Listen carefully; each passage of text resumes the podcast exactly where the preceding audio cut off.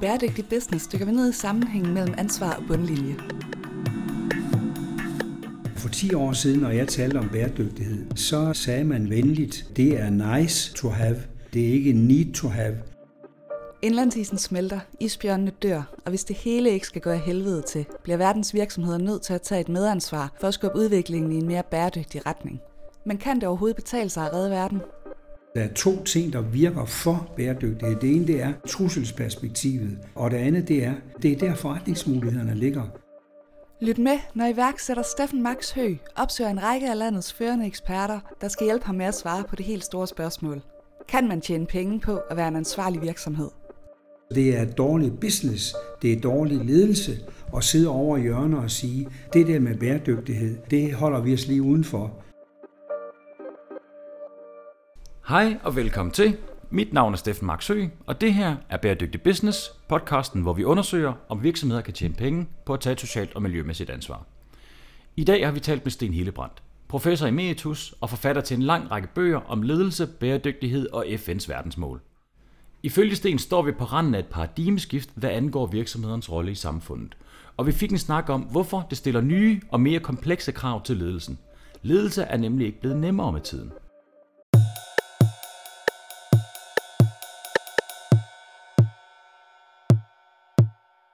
Goddag Sten, Goddag. Hildebrand, og tusind tak fordi, at du vil dukke op her ved, ved Holmris. Det vil jeg gerne. Det er vi jo meget, meget glade for, og som øh, vi lige talte om før, så hele min indgang til alt det her med at arbejde med bæredygtighed startede jo, da jeg læste på universitetet, hvor du var op som gæsteforelæser på øh, positiv psykologistudiet. Så, så jeg er jo rigtig glad for, at du er her, og så har jeg læst flere af dine bøger. Og, øh, og derfor så, øh, så det her med, at du øh, taler jo rigtig meget om verdensmålene lige nu, men dit ophav er jo egentlig ledelse. Du er professor i ledelse. Kunne du øh, måske starte med at bare give en, en lille introduktion af, af det, du har lavet igennem tiden, ja. og hvad du laver nu? Øh, ja, det kan jeg godt. Jeg har øh, oprindeligt arbejdet meget med en form for ledelse, der handler om at bruge matematiske modeller øh, til ledelsesformål. Man kalder det operationsanalyse. Øh, og det er faktisk et begreb, der blev udviklet under 2. verdenskrig, øh, og hvor ideen var, at man tværfagligt kunne bygge matematiske eller matematisk-statistiske modeller, som man så kunne implementere på computere, og så i virkeligheden beregne sig frem til, hvad der var god ledelse. Og det betyder øh, jo mest, hvad der var god driftsledelse, hvad der var god operations Øh, ledelse. Øh, men det var faktisk det, jeg startede med. Det var, det var i virkeligheden en del af den øh, moderne økonomitænkning i øh, de første årtier efter, øh, efter 2. verdenskrig. Og det vil i praksis sige op igennem 60'erne, 70'erne og 80'erne. Så der arbejder jeg i virkeligheden med matematiske modeller og implementering af matematiske modeller. Øh, og det var der ikke ret meget sjov ved. Øhm, øh, for noget af det, som øh, man hurtigt bliver klar over, det er, at der er ingen mennesker. Der er ingen levende mennesker, der er ingen levende væsener. Der er ikke ret meget natur. Der er i virkeligheden kun produktion og omkostninger øh, og produktivitetsforestillinger og beregninger i de modeller. Og det vil sige, at det på mange måder faktisk var svært at bruge dem i praksis. Men det var mit udgangspunkt, og fra det, Øh, der bevæger jeg mig over i almindelig ledelse, og det vil sige noget med mennesker, noget med adfærd, noget med motiver, øh, noget med øh, ledelse af mennesker, noget med strategiformulering, noget med retning, noget med værdier. Jeg havde så nogle år, hvor jeg også arbejdede meget med kvalitet.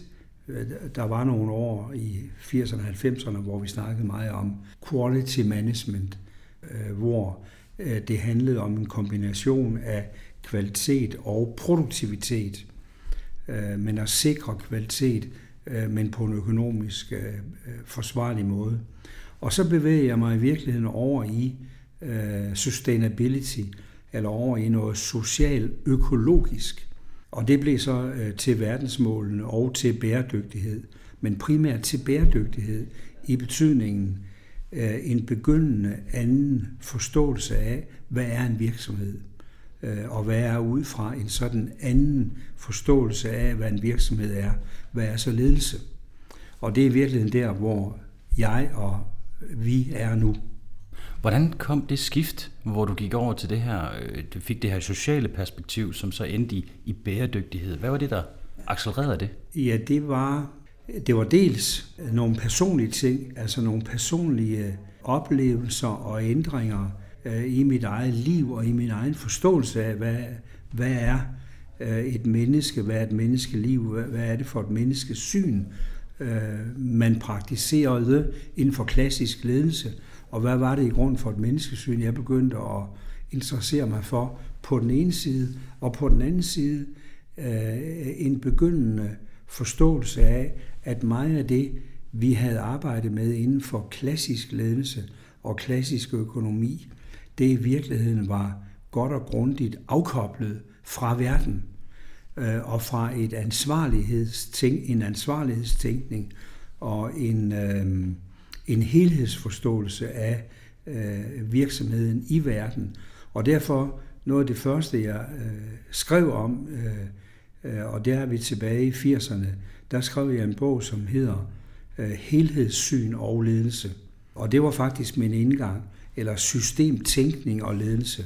Det var faktisk begyndelsen, og der kom denne her sociale og økologiske eller globale øh, naturdimension ind i ledelsestænkningen. Øh, det er rigtig spændende, og det er jo faktisk meget det, vi gerne vil tale om i dag, fordi det er jo øh, et spørgsmål om at tale med dig omkring det her med ledelse, og hvad er det for en leder, vi har brug for i fremtiden, fordi at de udfordringer, vi står over for lige nu, i forhold til klima og i forhold til jamen faktisk alle de områder, som verdensmålene repræsenterer, kræver en anden type ledelse, end den, som man helt klassisk øh, har, jeg har lært om på Handelshøjskolen og CBS, hvor man nu ellers har været.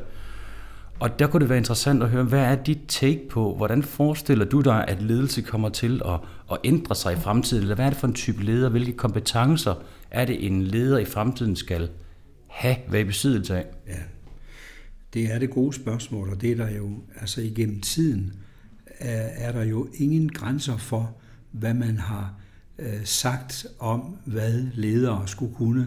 Altså hvis vi går tilbage i, øh, formentlig bare tilbage i starten af 1900-tallet, altså der var man jo i virkeligheden overbevist om, at ledere skulle være fysisk stærke, med store muskler og øh, fysisk styrke. Altså det var i virkeligheden øh, øh, noget af det, man dengang ville have svaret på det her spørgsmål. Ledere skal være robuste og, og fysisk stærke, skal kunne tåle mosten, øh, skal måske også kunne tåle et enkelt slagsmål eller to. Øh, og så har der jo været alle mulige tænkelige øh, teorier og forslag fremme om, hvad ledere skulle kunne.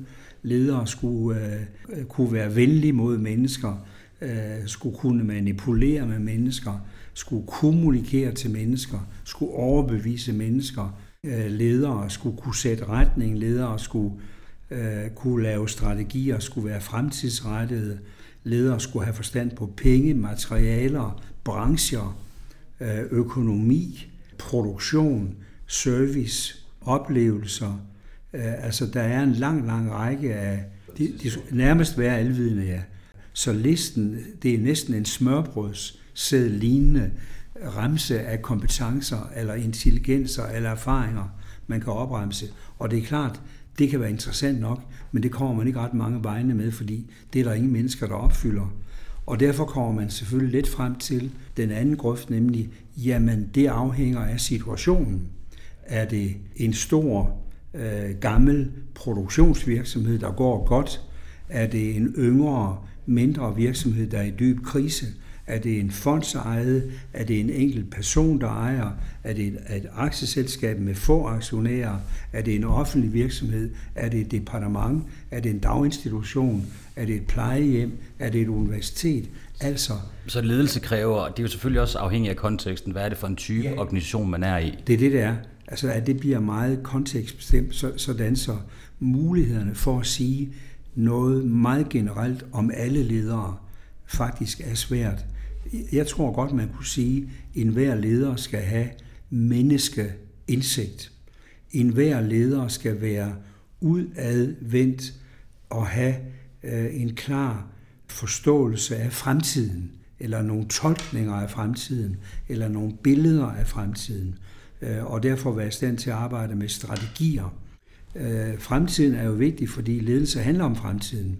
Jeg tror, man kunne godt sige, at en leder skal også have forståelse for virksomhedens historie, fordi virksomhedens historie er med til at bestemme, hvorfor virksomheden er, som den er nu, hvordan den ser ud nu, Øh, og ud fra det skal man have en forståelse af den øjeblikkelige situation. Men når det er sagt, så handler ledelse jo dernæst om i morgen, om hvad det er, vi vil opnå i morgen, om resultater i morgen og i overmorgen. Og derfor er fremtiden øh, i betydningen både den nære, altså i morgentænkningen, men jo også i sådan en mere langsigtet, øh, nogen taler om the emerging future. Hvad er det for en fremtid, der tegner sig derude? Hvad er det for krav? Hvad er det for forventninger? Hvad er det for forestillinger, som denne ankommende fremtid fører med sig? Og hvordan skal vi svare på det som ledelse? Så det er evnen til, ikke bare evnen til at forlænge fortiden ind i fremtiden, men i virkeligheden også evnen til at mærke, øh, hvad er der på vej øh, til at blive til en form for virkelighed, og hvordan går vi i klins med den øh, fremtid, der er på vej til at blive nutid. På den ene side, og på den anden side også den forståelse af fremtiden, at vi som ledelse skal arbejde med øh, og se de potentialer, øh, som vi som organisation, enten sådan som vi ser ud nu, eller sådan som vi kunne komme til at se ud, hvad er det for potentialer, vi har muligheder for at realisere, hvis, hvis, hvis, hvis vi gør, hvis vi investerer, hvis vi ansætter, øh, hvis vi øh, fusionerer, øh, osv. osv. Så the emerging future begreb, som, øh, som jeg blandt andet her øh, har fra Otto Scharmer og Teori U, øh, er et rigtig nyttigt og selvfølgelig også et noget diffust begreb, men det er interessant at prøve at nærme sig det. Øh, og teori U er jo, synes jeg også er, er rigtig interessant, særligt hele det her med, at man arbejder med et projekt, og at man kan komme tilbage i det, at man nærmest aldrig bliver færdig, at der hele tiden er en udvikling i det. Men, men så det vil sige, kan man sige, at ledelse er et spørgsmål om, at man skal have forståelse for historikken for at vide, hvor det er, at virksomheden har været, og så skal man have en, en forståelse for fremtiden, eller en idé om fremtiden, for at vide, hvor man skal arbejde sig henad. Ja, det vil, jeg, det vil jeg sige. Jeg vil sige, at den historiske dimension er vigtig, men det er selvfølgelig en passiv en passiv, registrerende, tolkende viden, men jeg tror, man, man, man godt kunne sige, det er en, øh, det er en generel øh, lederegenskab, øh, Øh, hvis vi ser ind i en konkret virksomhed, at have forståelse for dens historie, men måske også i en lidt bredere forstand, at have en forståelse af, hvor kommer vi som samfund, som region fra, øh, og hvad er det for trends, hvad er det for udviklingstendenser, øh, hvad er det for holdninger, holdningsændringer, teknologiændringer, religiøse ændringer, der er på vej eller er øh, i spil i øjeblikket, er i færd med at blive mere tydelig i øjeblikket. Og min evne til som leder at anamme, mærke, fortolke noget af det, der sker, og ud fra det øh, svare an på, hvad det er for en fremtid, vi er ved at møde, og dermed også være, øh, ved at være med til at skabe. Det er utroligt spændende. Når man så taler om, om virksomheder og, og deres evne til at være en del af det her samfund, de er i, så har der været meget diskussion omkring virksomheder, hvad er det egentlig deres mål er, og nogen i, for noget tid tilbage, så vil man jo sige, at uh, the business of business is business. Det handler kun om, at de skal uh, tjene nogle penge, og de ja. står kun til ansvar over for deres bundlinje. Forestiller du dig, at det ændrer sig i fremtiden, og hvorfor? Det er et rigtig godt spørgsmål, og det er jo, øh, det er jo en gammel øh, øh, og øh, mange gange gentaget sætning. Øh, the business of business, eller the responsibility of leadership is business and profit. Og det er jo en opfattelse af øh, en virksomhed, som ikke er gammel. Øh, den øh, findes øh, den dag i dag, i, og den er måske i virkeligheden den mest udbredte forståelse af, hvad en virksomhed er. Øh, men alligevel vil jeg tillade mig at sige, at det er en gammel øh, opfattelse, som, som på en måde handler om, at virksomheder må og kan gøre, hvad der passer dem inden for loven, øh, for at nå deres egne mål. Og så må det i øvrigt koste, hvad det koste vil, når det handler om natur, dyr, ressourcer, øh, mennesker, øh, etik øh, for det kommer ikke mig ved som ejer af denne øh, fysiske, for det var det jo traditionelt virksomhed og dens medarbejdere. Så jeg gør faktisk, hvad der passer mig for at maksimere min kortsigtede gevinst. Det er den rå øh, og også noget summariske forståelse af, hvad en privat virksomhed var og i vid udstrækning er. Den forståelse øh, tror jeg vil eksistere i mange år, men den vil være under afvikling, fordi den øh, er med til at ødelægge verden. Øh, og det hænger jo sammen med, at antallet af virksomheder og antallet af mennesker på kloden i løbet af de sidste 100 år er mangedoblet. Og det vil sige, den tænkning, den forståelse af verden og af forbrug og produktion og virksomhed, som var mulig for 100 år siden, uden at ødelægge naturen, uden at ødelægge ressourcerne, uden at misbruge øh, ressourcerne. Den tænkning og forståelse, den er ikke mulig længere. Alene fordi vi er så mange, alene fordi der er så mange virksomheder, alene fordi vi tager fiskeriet.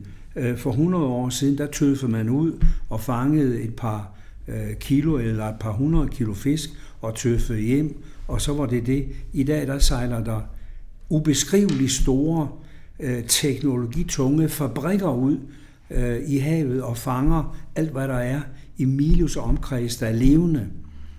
Det er to vidt, vidt, vidt forskellige teknologiske situationer i forhold til den ressource, der hedder fisk. Og når teknologien bliver så kraftig, og det gør den på alle områder, så kan naturen ikke stå imod, så øh, kan naturen ikke klare det, og derfor sker der jo det i de her år, at vi øh, påfører øh, kloden i kraft af teknologi, i kraft af så mange mennesker vi er, øh, i kraft af den grådighed og den, øh, den utømmelige, øh, de utømmelige behov, vi har for mere og mere og hurtigere og hurtigere, så overfisker vi billigt talt øh, både havene og skovene og, øh, og arealerne og ressourcerne.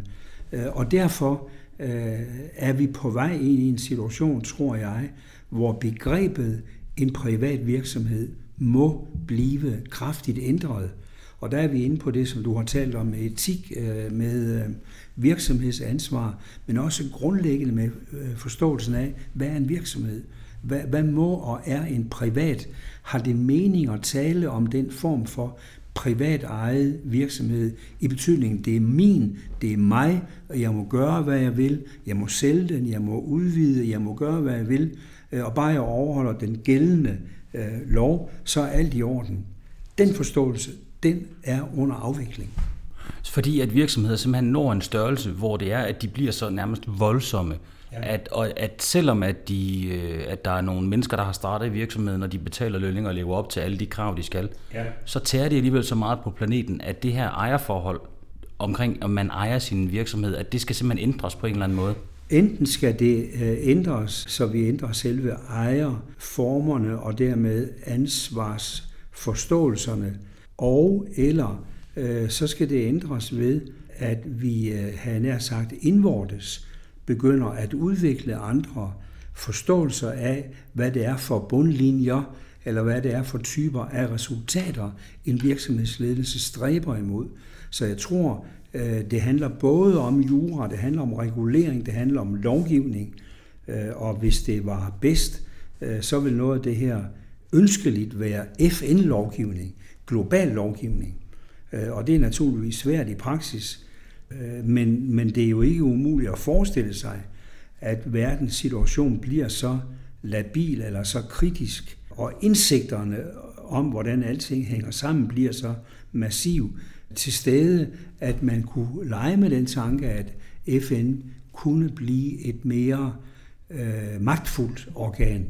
Men, men uanset det, øh, så vil der på andre områder eller på andre niveauer, det kunne være EU, det kunne være andre sammenslutninger eller unioner øh, eller netværk af, af, af lande, være tale om, øh, om regional og selvfølgelig til syvende og sidst national lovgivning.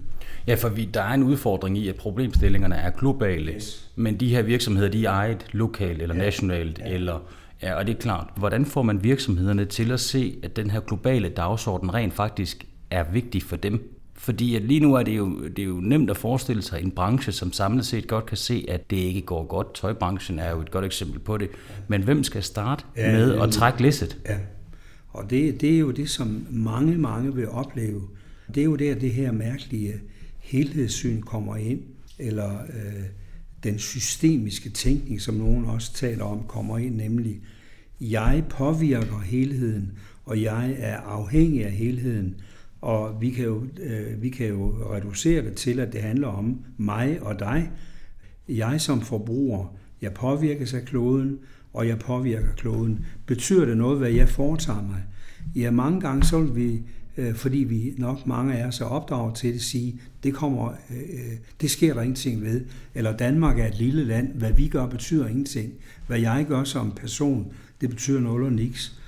Og øh, det, som astronauterne jo nok har lært os, det er, det forholder sig faktisk modsat. Det beholder sig sådan, så det jeg gør, og det Danmark gør, det spiller en rolle.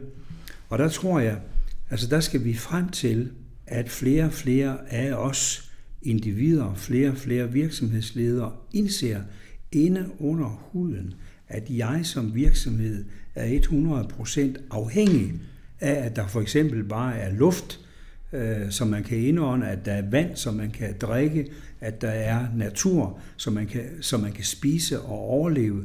Altså den grundlæggende forståelse af, at vi er alle 100% afhængige af det, vi kalder naturen. Og derfor har vi alle sammen et medansvar for naturen, hvor vi jo i virkeligheden øh, med Bibelen og mange andre øh, tolkninger i hånden har haft den opfattelse, at vi mennesker øh, var naturen overlegen. Så vi kunne, vi kunne tage naturen i vores hænder, vi kunne, vi kunne erobre naturen. Altså vi taler om den der antropocentriske bias, at vi tror, at vi er overlegne, at mennesket er overlegent i forhold til naturen. Så vi har troet, at vi kunne gøre hvad som helst ved naturen. Den, ændre, den opfattelse skal ændres til en forståelse af, at vi skal have respekt for naturen, og måske i virkeligheden lade naturen på nogle områder have et over en, et overherredømme eller en overbetydning i forhold til os, fordi vi er afhængige af den fortsat. Så vi skal have respekt for naturen. Det er på en måde det, som verdensmålene handler om. Ja, og verdensmålene giver vel også en overordnet standard i for, hvad man skal stræbe efter. Men, men hvordan får man etableret den her forståelse? Ja, det, øh, det, er et godt spørg- det er et godt spørgsmål. Jeg er glad for, at jeg får stillet et spørgsmål, der kan få dig til. Det, det er jo et godt spørgsmål. Hvordan, øh, hvordan får... Øh, altså dybest set er det her jo nok med det fine ord, det er et paradigmeskifte. Det er en sindelagsændring. Det er en, en dyb og varig ændring i vores forståelse af, hvad er et menneske, hvad er et menneske på planeten Jorden, øh, hvad er vores ansvar i forhold til dyr og planter, hvordan skal vi tage vare på det ansvar. Jeg tror, at dette er øh, et dannelses, der er også nogen, der taler om bæredygtig dannelse. Det er et dannelsesaspekt, det er et opdragelsesaspekt, det er en ændring i vores forståelse af os selv og naturen, som skal tage nogle generationer, men som på en måde handler om, hvad er det, vi lærer øh, børnene i daginstitutionen?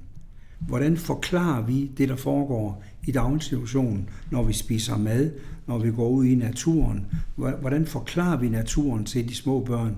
Hvad gør vi i folkeskolen? Hvad gør vi i gymnasiet osv.? Øh, vi kan jo se i øjeblikket, hvordan mange skoler, mange gymnasier, universiteterne tager fat på Øh, Øh, at undervise øh, børn og unge og studerende i bæredygtighed, i FN-målene, i øh, en anden type forståelse af, hvad naturen er, hvad er biodiversitet, betyder det noget, at vi passer på dyrearterne og plantearterne, eller, eller kan vi sådan set skalte og valte med det, som det passer os ud fra vores kortsigtede idéer. Altså, denne, min generation har jo lært, at hvis vi havde affald, øh, så puttede vi det ned i en tankvogn og kørte ud i klitten nede ved vestkysten og tømte det ud i, i, øh, i øh, klitten. Det har vi jo lært, at det var okay at gøre det. Vi hører næsten daglige rapporter om, hvordan den ene og den anden og den tredje grund i Fredericia og øh, byer er forurenet af olie og affald, fordi vi havde for 60 år siden den opfattelse, der er masser af plads på jorden. Øh, der er langt ned til kineserne, så det gør ingenting, at vi hælder olie og affald og gift øh, og gamle cykler ud i søen. Der er plads nok. Ja, naturen er uendelig. Og naturen det, det, er uendelig, og der er ikke så mange mennesker. Så den grundlæggende forståelse, som rigtig mange millioner, milliarder mennesker har i dag af, at naturen kan vi gøre næsten ved, hvad vi vil, den klarer det hele, den er stor og omfattende. Den opfattelse, den skal vendes på hovedet. Og det er paradigmeskiftet, og du det snakker er paradigmeskiftet. Og det handler om et ændret natursyn, eller et ændret syn på samspillet mellem menneske og natur. Det får mig jo til at tænke på øh, de her historier, som man altid har hørt omkring indianerne i, i Amerika, inden det var, at, øh, at der kom en masse andre derover og, og blev enige om, at landet skulle se ud på en lidt anden måde. At de havde et menneskesyn og et natursyn, der gik meget i retning af, at man tog det, man havde brug for, og ikke mere end det. Ja, og de havde jo også en forståelse af, øh, nogle af de gamle indianere, at når man traf vigtige beslutninger, så tænkte man, der er nogle af øh, de gamle kulturer, hvor man siger, så tænkte man syv generationer frem for at se på, hvis vi nu rydder den her skov, eller opdyrker det og det område, eller gør det og det, hvad betyder det så ikke bare for os, men også for vores børn, børnebørn, børnebørn, børne osv. Den tænkning, den har vi jo aflært. Vi, vi tænker ikke på, øh, Øh, det kan godt være, at vi tænker på vores børn, men det er det yderste. Vi tænker ikke ret meget længere frem. Øh, og det er jo en del af det her øh, enormt kortsigtede paradigme, som jeg snakker om med virksomhederne, at virksomhederne gør, hvad der passer dem, koste hvad det i øvrigt vil, for eksempel også for de næste generationer. Det er en del af paradigmeskiftet, at den tænkning skal vi have kasseret simpelthen. Det er jo klart, det, det står jo sort på hvidt, hvis man i hvert fald tror, alle folk omkring, øh, der, der forsker i klimaforandringerne, at, at det er jo vigtigt, at der bliver lavet om på det på en eller anden måde. Tror du, markedskræfterne kan regulere det her af sig selv? Jeg er med på, at vi har en meget presset tidsplan ifølge klimaforskerne, men hvis vi havde mere tid, tror du så, at markedskræfterne ville kunne regulere det? Tror du, at man ville kunne opdyrke de virksomheder, der skulle til, fordi at forbrugerne simpelthen vil kræve produkter? Ja, øh, det er også et vigtigt spørgsmål, fordi øh, vi har jo lavet et meget, meget mærkeligt øh, økonomisk system, øh, som øh, eksisterer verden over stort set med, med modifikationer og forskelle, nemlig det der såkaldte øh, frie kapitalistiske markedssystem, hvor sådan lyder sætningen jo udbud og efterspørgsel bestemmer, hvad der produceres og hvad prisen bliver. Og vi har en tro på, at markedet kan løse alle problemer. Og det kommer jo til udtryk ved, at vi sågar i disse år i masser af velfærdssamfund, det gælder det danske, øh, tror, at, at øh, nu hvor vi snakker om daginstitutioner, ældre, øh, pleje, at mange af disse typisk og traditionelt set offentlige øh, områder skal konkurrenceudsættes, fordi så tror vi, at vi i virkeligheden kan løse daginstitutions- og ældrepleje og universitetsopgaverne bedre og billigere og til samme kvalitet. Så vi, vi er inficeret af en markedstænkning. Og det vi, øh, det vi nægter at se i øjnene, det er, at det blandt andet er denne frie prisdannelse, denne kortsigtede, såkaldt frie prisdannelse, der i virkeligheden er ved at splitte øh, verden ad i stumper og stykker, øh, og som øh, i øjeblikket på mange måder øh, repræsenterer og er årsag til de trusler, øh, som klimamæssigt, øh, opvarmningsmæssigt, øh, flygtninge, migrationsmæssigt, øh, truer øh, balancen øh, på kloden. Øh, så det vil jeg sige på den ene side. På den anden side, så vil jeg sige, at vi har ikke noget at sætte i stedet. Vi har ikke umiddelbart noget alternativ. Vi, vi, vi har ikke, øhm, øh, skal vi sige, øh, udformede alternative modeller for, hvordan vi kunne øh, disponere. Øh, Øh, det eneste, vi har prøvet sådan virkelig i stor skala, det er jo den øh, sovjetrussiske centralistiske øh, kommunisme, hvor ideen var, at man kunne planlægge og tilrettelægge øh, produktion af alle hånde produkter centralt øh, og producere øh, med de virksomheder, som så var statsejede. Og vi har set, hvordan det ikke øh, var muligt at få det til at virke i praksis. Og derfor tror jeg, at det realistiske er, at på et ret langt sigt, der må vi regne med markedskræfterne, der må vi regne med det marked, vi har, og det vil sige private virksomheder og selvstændige i forskellige grader, forbrugere, der efterspørger virksomheder, udbyder, og der er nogle balance, nogle prisdannelsesmekanismer. Men øh, hvis øh, disse markedskræfter øh, skal virke i mere og mere bæredygtig retning, så tror jeg, at en forudsætning er, at lovgiverne spiller med. Og det vil sige, at lovgiverne bliver mere og mere indstillet på at øh, øh, træffe beslutninger i parlamenterne eller og i regeringerne, der markant øh, straffer ikke bæredygtig adfærd. Øh, for eksempel øh, gennem afgifter, og skatter og øh, punktvise indgreb. Øh, så, så en række ikke bæredygtige former for adfærd bliver straffet eller kommer til at koste meget mere, end de gør i øjeblikket, samtidig med, at man kan fremme aktiviteter og produktioner, initiativer, øh, som virker i øh, bæredygtig retning. Og hvis man, øh, hvis man gør det, så er erhvervslivet, virksomhederne i markedsmekanismerne får mere og mere klare rammer, der hæmmer og fremmer henholdsvis ikke bæredygtig og bæredygtig adfærd, så tror jeg, at det er inden for sådanne mere og mere klare rammer, at markedsøkonomien skal virke, og kan virke, og vil virke. Det giver rigtig god mening, at der skal være en eller anden form for overordnet styring på det. Ja, det tror jeg, der skal. Og, og det oplever vi også mere og mere, men, det, men vi har behov for meget mere.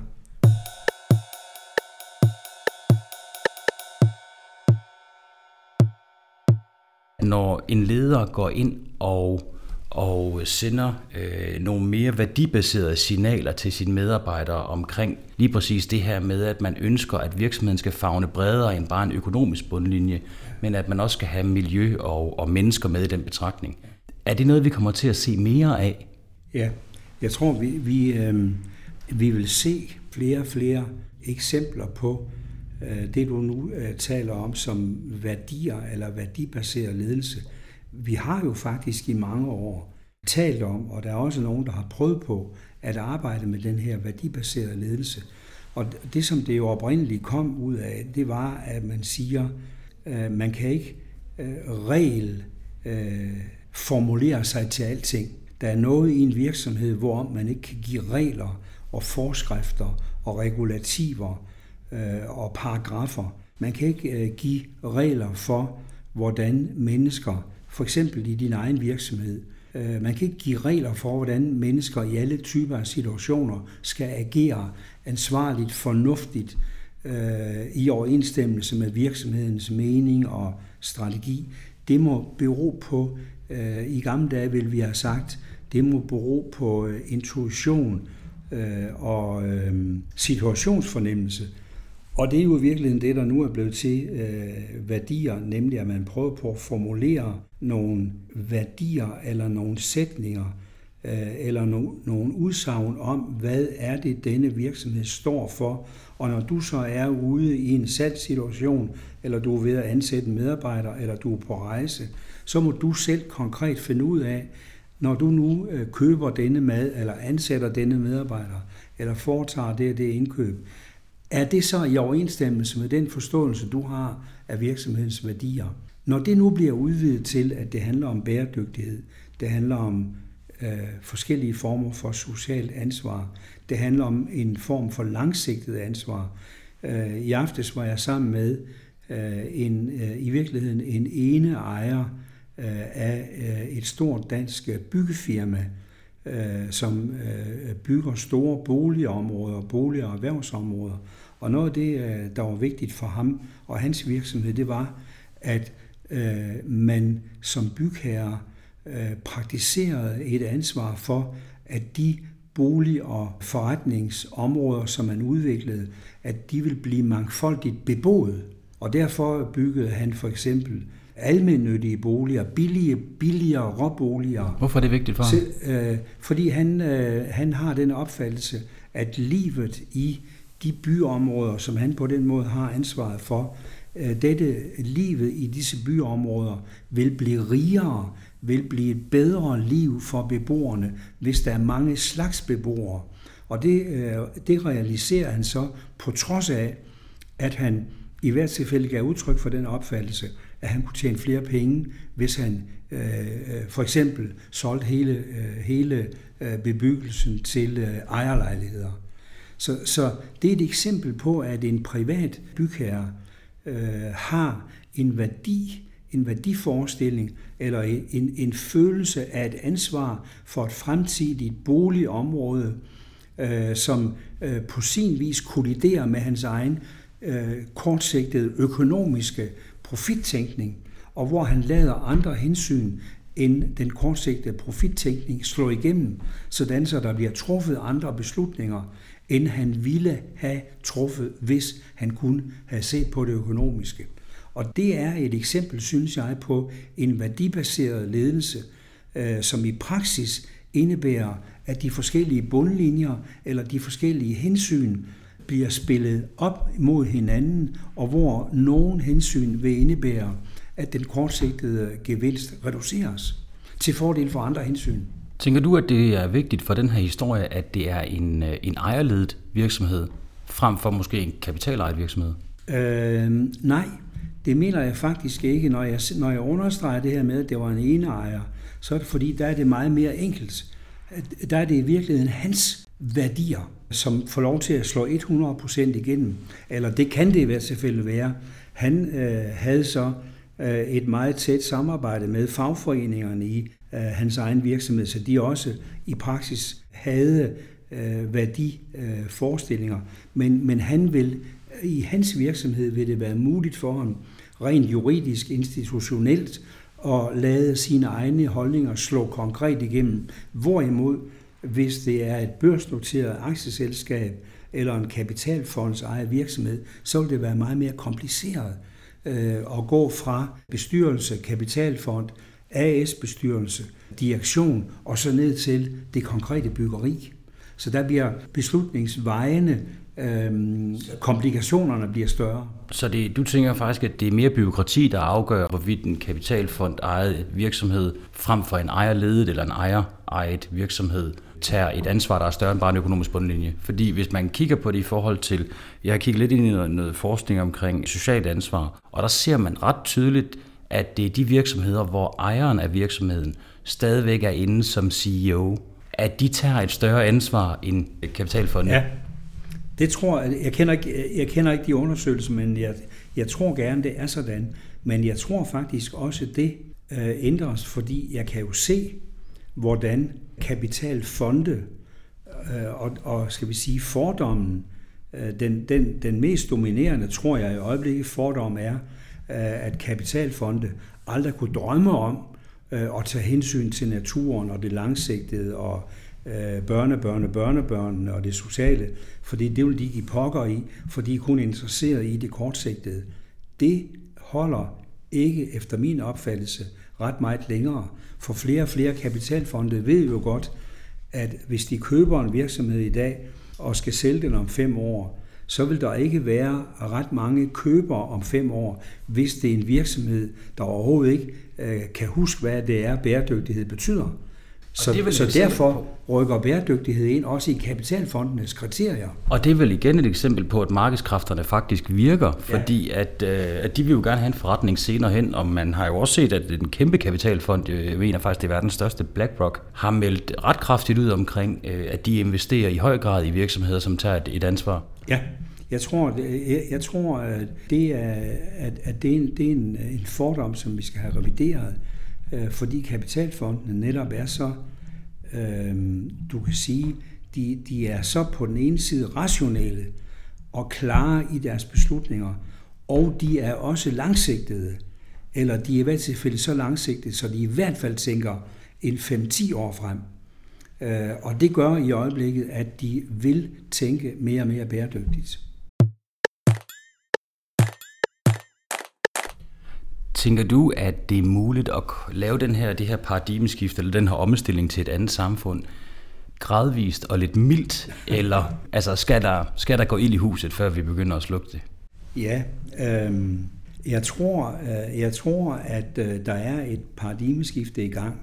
Og jeg, jeg tænker jo, øh, hvis jeg tænker på min egen øh, lille parcel, øh, så har jeg jo talt om bæredygtighed i, i hvert fald i 10 år. Og for 10 år siden, når jeg talte om bæredygtighed, øh, så øh, sagde man venligt, øh, det er nice to have, men det er ikke need to have.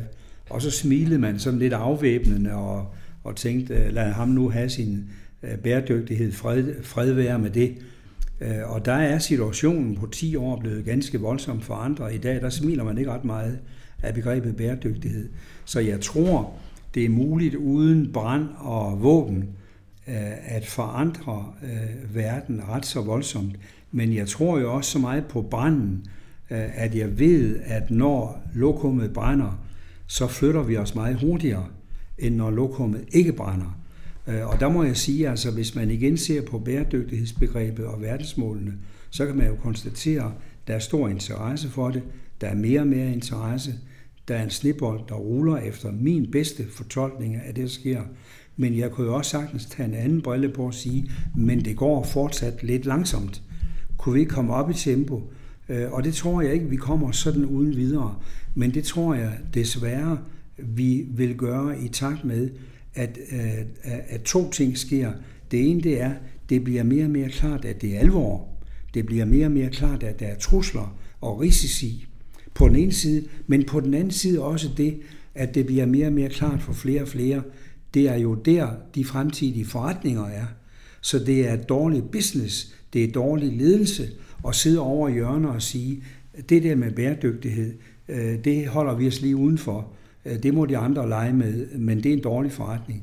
Øh, så der er to ting, der virker for bæredygtighed. Det ene det er, skal vi sige, trusselsperspektivet, og det andet det er, det er der forretningsmulighederne ligger. Det er andre typer af forretningsmuligheder det er andre økonomiske sigt, øh, det er andre øh, tidshorisonter, men det er der forretningsmulighederne ligger. Så jeg har sagt, så det er bare med at få skiftet om og få øje på de øh, potentialer og muligheder, der er, og så få sagt farvel til noget af det gamle, øh, og, og, og det må gerne tage tid, men det er det strategiskifte, eller den ændrede tænkning om, hvad en god forretningsmodel eller en god forretningsplan indeholder, vi er i, og som vi skal forstå og arbejde mere med. Det er, det er jo meget spændende det her med, at det er jo der forretningen ligger inden for bæredygtighed, og man ser det jo også i flere virksomheder, i for eksempel Nike, hvor CSR-direktøren og udviklingschefen er den samme person, ja. fordi der er et stort potentiale i, når der skal forretningsudvikles, så skal elementet af bæredygtighed kobles ind i det, ellers så laver du et produkt, der ikke kommer til at holde i ret lang tid. Jeg har en lidt hjemmedyrket teori om, øh, om det her med mennesker på arbejdsmarkedet, hvor jeg synes, at man ser en tendens til nu, at de store religioner er sådan lidt på retræte, i hvert fald i den vestlige verden. Politikerleden er ekstremt høj. De store institutioner, som for eksempel FN og EU i særdeleshed, har lidt svært ved at slå igennem, har ikke den samme folkelige opbakning længere. Den øh, manglende øh, tro, om man skal bruge det ord, afspejler den sig i arbejdslivet, fordi at det at realisere sig selv på arbejdsmarkedet er jo blevet ophøjet til noget meget, meget stort lige nu, som jeg ser det. Ja, det er, jeg, det, det er jeg meget i tvivl om, hvordan man der skal forstå begrebet tro. Der er jo ikke nogen tvivl om, apropos tro, der er jo ikke nogen tvivl om, at begrebet mening, og nu snakker jeg selvfølgelig om mennesker i vores del af verden, hvor øh, måske noget er blevet så meningsløst for mange, at det er nødvendigt at tale om ordet mening, men også hvor vi måske har råd til det, men altså hvor begrebet mening, meningen med livet, meningen med arbejdet og arbejdslivet, for mange mennesker får lov til at spille en mere, mere klar rolle. Og det tror jeg, det præger i øjeblikket mange virksomhedstyper i i hvert fald i den øh, industrialiserede verden. Jeg tror, at noget af det vil have andre udtryksformer, hvis vi tog til Kina, Indien, som jo også er industrialiserede lande, men de er det på en meget, meget anderledes baggrund end de vestlige øh, industrisamfund er det.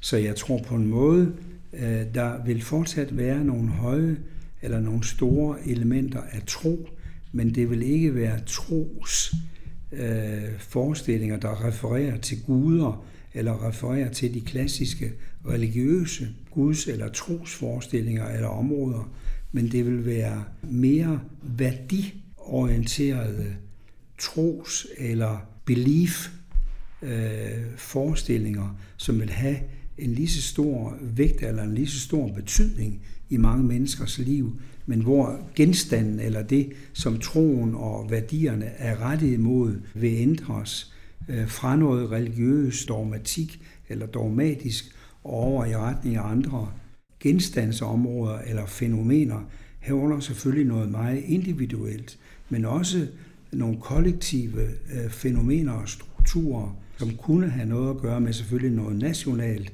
eller nogle mere idémæssige. Øh, altså der vil jo i øjeblikket være en global øh, bevægelse omkring de 17 verdensmål, som kunne være en anden form for, ikke religion, men en anden form for øh, kollektiv øh, referenceramme eller en kollektiv vision eller kollektive værdiforestillinger om en ændret verden, og dermed om ændrede roller og et ændret ansvar for befolkninger og for individer. Ja, fordi det er jo rigtig spændende det her med, at om verdensmålene kan samle den opbakning, der skal til for, at man kan få den her globale agenda koblet ud i, i lokalområderne og ind i virksomhederne. Mange taler jo om det her med, med purpose-driven organisationer, og det er måske lidt det, jeg tænker i retning af at tro, er nok ikke det rigtige ord, som jeg, jeg brugte før. Det er meget det her meningsfuldhed. Men, men det her purpose-driven organisationer, det er som om, at arbejdet har indtaget en større eller en anderledes rolle i vores liv, hvor det ikke længere er noget, man nødvendigvis gør bare for at få, få mad og, øh, og smør på bordet, skulle til at sige, smør på brødet. Men det er simpelthen et spørgsmål, om det skal være kilden til en selvrealisering. Ja, og det er jo der, altså når du siger purpose-driven, så er det over i samme felt, som jeg taler om, når jeg taler om mening, at der skal være et formål med øh, lad os tage øh, din og jeres egen virksomhed, at der er nogle formål ud over det at øh, drive virksomheden, så der er likviditet og overskud til at betale lønninger og husleje og alle mulige andre ret banale ting, øh, som jo er en selvfølgelig del af det at drive en virksomhed, men at der ud over det er noget, og det er jo det ud over aspekt, som vi ikke talte om for 20 år siden. 10 år siden måske. Der var det jo kun et spørgsmål, om der var penge. Ja, der var det i virkeligheden et spørgsmål om, øh, ja, han har sagt, at kunne betale en hver sit. Og når man havde betalt en hver sit, øh, så håbede man på, at der var nogle penge til overs. Det var overskud, eller profit, eller dækningsbidrag, hvad man nu øh, valgte at kalde det, men det var overskuddet. Øh, og så var den pot i virkeligheden ude, og det var den også for medarbejderen, eller hvad tilfælde for vores måske lidt for forenklet billede af medarbejderen for 2025 Øh, 30 år siden. Der var medarbejderen overhovedet ikke, og sådan er billedet jo nok fortsat af den tids medarbejdere. Der var medarbejderne ikke interesseret i et purpose eller i en mening. Der var det måske virkelig en latterlig øh, tænkemåde eller talemåde. Øh, medarbejderen havde det billede af virksomheden, at det var ens arbejde, øh, og arbejde var kilden til, at man fik Øh, en indtægt, der gjorde det muligt at leve et liv uden for virksomheden. Øh, så livet i virksomheden, det var i virkeligheden en strafmekanisme, eller noget, der skulle overstås. Øh, jo før og jo lettere, jo bedre. Og så var det med at komme væk fra virksomheden. I dag der er virksomheden, altså der er mange, der er mange mennesker på 24-7 som noget naturligt, og selvfølgelig også i nogen grad som noget sygt, Ja, for det er da en sjov, det er da, det er da interessant, at mennesker vidderligt arbejder sig selv ihjel nu, hvis man tror, at stress er, er råden til, ja. Øh, til, at man kan forkorte sit liv, og det er der i hvert fald rigtig mange, der mener. At, at arbejde har jo indtaget en helt sygelig position i vores tilværelse. Det mener jeg også, og, og det har jo noget at gøre med det der purpose. Fordi altså, hvis du tager ud af virksomheden, og absolut ingen fornemmelse har af purpose, så slår du, øh, så at sige, strømmen og tager hjem og passer dit øvrige liv. Hvorimod, hvis du er så purpose øh, engageret, at du simpelthen interesserer dig for virksomheden, også om lørdagen, så, er du, så tænder du for øh, kontakten til virksomheden, så er du optaget af det, og så øh, dør du af stress på den ene side, eller du gør karriere og vokser og, og dør så på et senere tidspunkt muligvis, hvis vi tager de, de, de, de voldsomme yderpunkter. Men det, der er noget paradoxalt i det, at, at dette purpose, Øh, denne purpose-dimension, meningsdimension, som er vigtig, det er også den, der er med til at drive øh, medarbejderne ud i, i roller, som de jo i udgangssituationen slet ikke havde forestillet sig, og på sin vis heller ikke ønsker, men som de alligevel ender i, eller vi alligevel ender i. Jamen, og, og kan man ikke tale om, at her har lederens rolle der virkelig ændret sig? Nu hvor man på den ene side skal sørge for at lave vilkår for sine medarbejdere, så de er engageret og glade for deres arbejde, så de performer godt og har det godt, for det er også vigtigt at huske på, at en medarbejder, der er engageret og trives af i flow, er jo en medarbejder, der, der i høj grad også trivselsmæssigt har det godt, men til en vis grad, til en vis hvor grad. det så kan, kan kappe over. Kan, kan kappe over. Og derfor vil du jo også, altså vi startede med at tale om, hvad er, hvad er gode lederegenskaber. Altså nogen vil jo sige, at i dagens situation, der er det også en lederegenskab at kunne sige til en medarbejder, nu går du hjem, og du tænder ikke for din mobiltelefon. Vi har lige haft en minister, der erklærede, at det var sådan, hans medarbejdere skulle opføre sig. De skulle slukke for mobiltelefonen, når de går for arbejde, og de skulle ikke tænke på arbejde, før de kom tilbage. Og vi kan også lidt, gætter jeg på alle sammen, i vores bekendtskabskreds finde ledere, øh, som gør en dyd ud af at hævde, at nogle gange så beder de deres medarbejdere om at gå hjem, hvor øh, man måske i gamle dage øh, Der vil man skulle øh, bede folk over at blive øh, lidt længere en gang imellem. Ja, og... Nu skal man jage folk øh, hjem, fordi øh, ja, af mange grunde, men altså en af grundene er jo, at man indser, at hvis ikke de tager hjem, så kommer der en dag, hvor de ikke kommer tilbage igen. Ja, for det er vel igen bare bæredygtighedstanken i en social ja, medarbejderkontekst. Ja, det, det, det er bæredygtighed i den sociale øh, betydning af ordet, og det er klart, hvis man fortolker det, eller fortolker det ud i noget ekstremt, så består bæredygtigheden i, øh, at jeg er koldt og kynisk, øh, sender mine medarbejdere hjem, øh, fordi jeg ellers øh, mister deres arbejdskapacitet. Så det, så det er en kold og kynisk betragtning på den ene side, eller det er en social dyb ansvarlighed for personen og familien, der ligger bagved, og derfor beder jeg den pågældende om, eller derfor har vi politikker, som øh, peger på de her de andre former for adfærd. Kan man tale om, at lederens rolle er blevet en mere kompliceret i og med, at man skal navigere rundt i nogle andre dagsordner? Det var vel nærmest lidt mere simpelt i gode gamle dage, hvor der bare skulle produceres noget? Det tror jeg. Jeg tror, det er blevet meget mere kompliceret og meget mere paradoksfyldt øh, at være leder i, i vores dag i langt de fleste typer af offentlige og private virksomheder. Jeg tror, det er meget mere kompliceret og, og dermed også meget mere byrdefuldt på en måde. Og det hænger jo igen sammen med, at også lederen er leder, om ikke 24-7, så i hvert fald øh, ofte meget langt ud over de almindelige klassiske arbejdstidsforestillinger. Ja, fordi lederne er jo i høj grad udsat. De får virkelig også knoklet godt og grundigt igennem.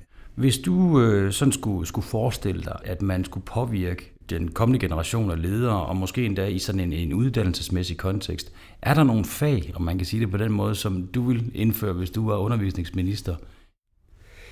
Ja, det er jo et godt spørgsmål. Øh, øh, og nu kommer det jo an på, hvor, øh, hvor vi tænker det. Altså, er vi, ned, er vi i daginstitutionen? Er vi i folkeskolen? Jeg tror, at... Øh, noget af det, der... Men det her det er et meget, meget kompliceret felt, men intuitivt har jeg nogle forestillinger om, at vi øh, kunne gøre livet for børn og unge i folkeskolen meget bedre og meget mere godt for øh, børn og unge, øh, set i forhold til den fremtid, øh, de skal være i. Altså vi jagter tal, karakterer, Øh, den moderne danske skole, den drives øh, af øh, tal og øh, gennemsnit og sammenligninger. Det gælder lige fra det enkelte individ øh, og op til, at den enkelte skole i den enkelte kommune bliver målt op imod andre skoler i kommunen, og ledelserne bliver drevet rundt i manesien øh, for at øh, Øh, sikre, at man ikke kommer bagud i konkurrence med de andre skoler. Så det gælder om at have høje gennemsnit. Det, det, det er på mange måder et tal helvede, øh, man på den måde har udviklet. Øh, og børnene lider efter min bedste mening under det. Så så jeg tror ikke, det bare handler om fag. Det handler også om den nye form for kadaverdisciplin med fag, med enkelstående fag, karakterer, tests, sammenligninger, karaktergennemsnit, et, et kolossalt ræs øh, om at præstere i folkeskolen, i gymnasiet, der er det, et, øh, der er det jo et sandt helvede, øh, for de studerende, fordi øh, karaktergennemsnittene bestemmer, hvor de ikke kan komme hen, og hvor de kan komme hen. Øh, og når du er på, øh, i, øh, i universitetsverdenen, øh, så betyder det for eksempel enormt meget, Øh, ikke hvilke karakterer, øh, fordi der er det en selvfølge, du, du skal have høje karakterer, men der betyder det meget, hvilke CV du derudover får opbygget. Så vi påfører i virkeligheden børn og unge helt enorme øh, pres og stress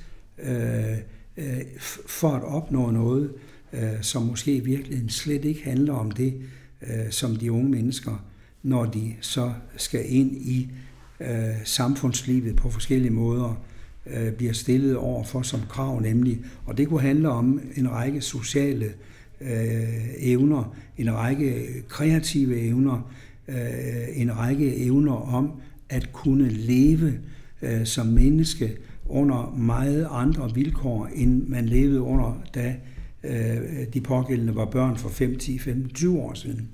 Så, så på den måde tror jeg, man kunne, man kunne gøre øh, meget mere, hvis man kunne slappe en lille smule af over for disse kortsigtede karakterkrav øh, og den konkurrence øh, mentalitet, som øh, disse karaktersystemer påfører både det enkelte individ og familie, de enkelte klasser og de enkelte skoler og universiteter i forhold til hinanden. Øh, og så, øh, jeg vil ikke bruge ordet afslappet, men, men mere roligt, mere med Øh, respekt for kreativitet og social udvikling, sociale evner, evner til at lege, evner til at eksistere. Altså der er nogen, der taler om begrebet væredygtighed, altså en øget evne til at være.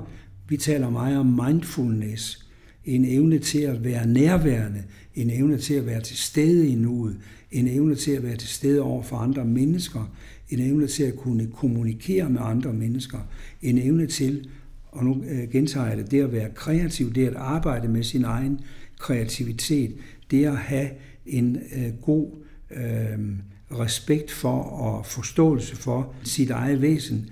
Vi, vi taler nogle gange i gamle dage om selvberoenhed, øh, om begrebet væsenskerne.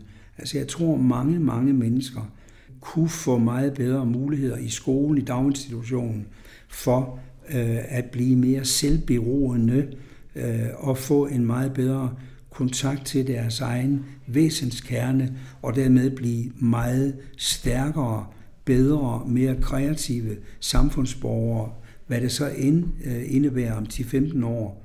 Og når jeg siger det på den måde, så er det fordi, jeg forestiller mig, at de levevilkår, de eksistensvilkår, som børn i dag, Øh, øh, børn som er 5, 10, 15 år i dag, vil komme til at leve under om øh, 15 år, 20 år i den verden, vi nu lever i. Det vil være stærkt, stærkt forandrede vilkår, som vil stille fuldstændig andre menneskekrav til øh, børn og unge, end de krav, vi for eksempel er blevet mødt med, som jo meget handler om øh, faglige, snævre øh, og på mange måder i virkeligheden meget banale øh, Øh, faglige, intellektuelle kapaciteter. Øh, det vil øh, fremtidens børn også blive, og mennesker også blive mødt med, men de vil til lige blive mødt med krav om mange andre kompetencer og erfaringer, som vi ikke adresserer med respekt i øjeblikket. Tror du, og nu synes jeg næsten, det er en forkert terminologi at bruge, men tror du, den type mennesker, man vil, man vil skabe i, i sådan et samfund, som du taler om her, tror du, de vil være konkurrencedygtige med den type mennesker, man skaber i for eksempel Kina lige nu?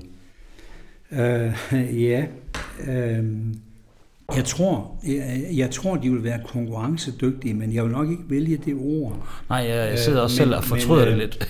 men de vil være, jeg vil heller ikke bruge ordet kompatible, men de vil, de vil være i stand til at leve i en øh, stærkt ændret verden, set i forhold til den verden, vi lever i nu. Og så vil jeg få til, og det er så måske en afbødning af det, at øh, kineserne om 20 år og 15 år, de vil også være anderledes end kinesere øh, og russere og, og øh, er i dag. Så, så det vil ikke bare være os, der, der gennemgår en ændring. Det kinesiske samfund øh, gennemgår jo også, selvom de nu har fået en leder, der kan sidde øh, ret lang tid, ret lang tid øh, så gennemgår det kinesiske samfund også øh, nogle formentlig væsentlige ændringer.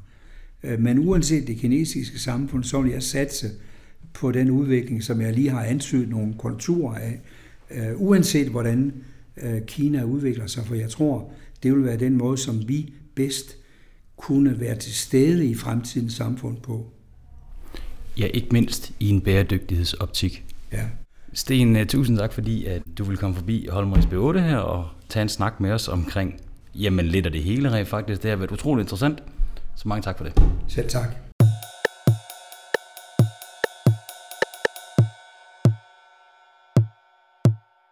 Det bliver altså mere og mere komplekst at lede en virksomhed. Og ikke alene skal vi forholde os til udefrakommende forandringer i form af klimatrussel, ressourcemangel og øgede krav fra forbrugerne.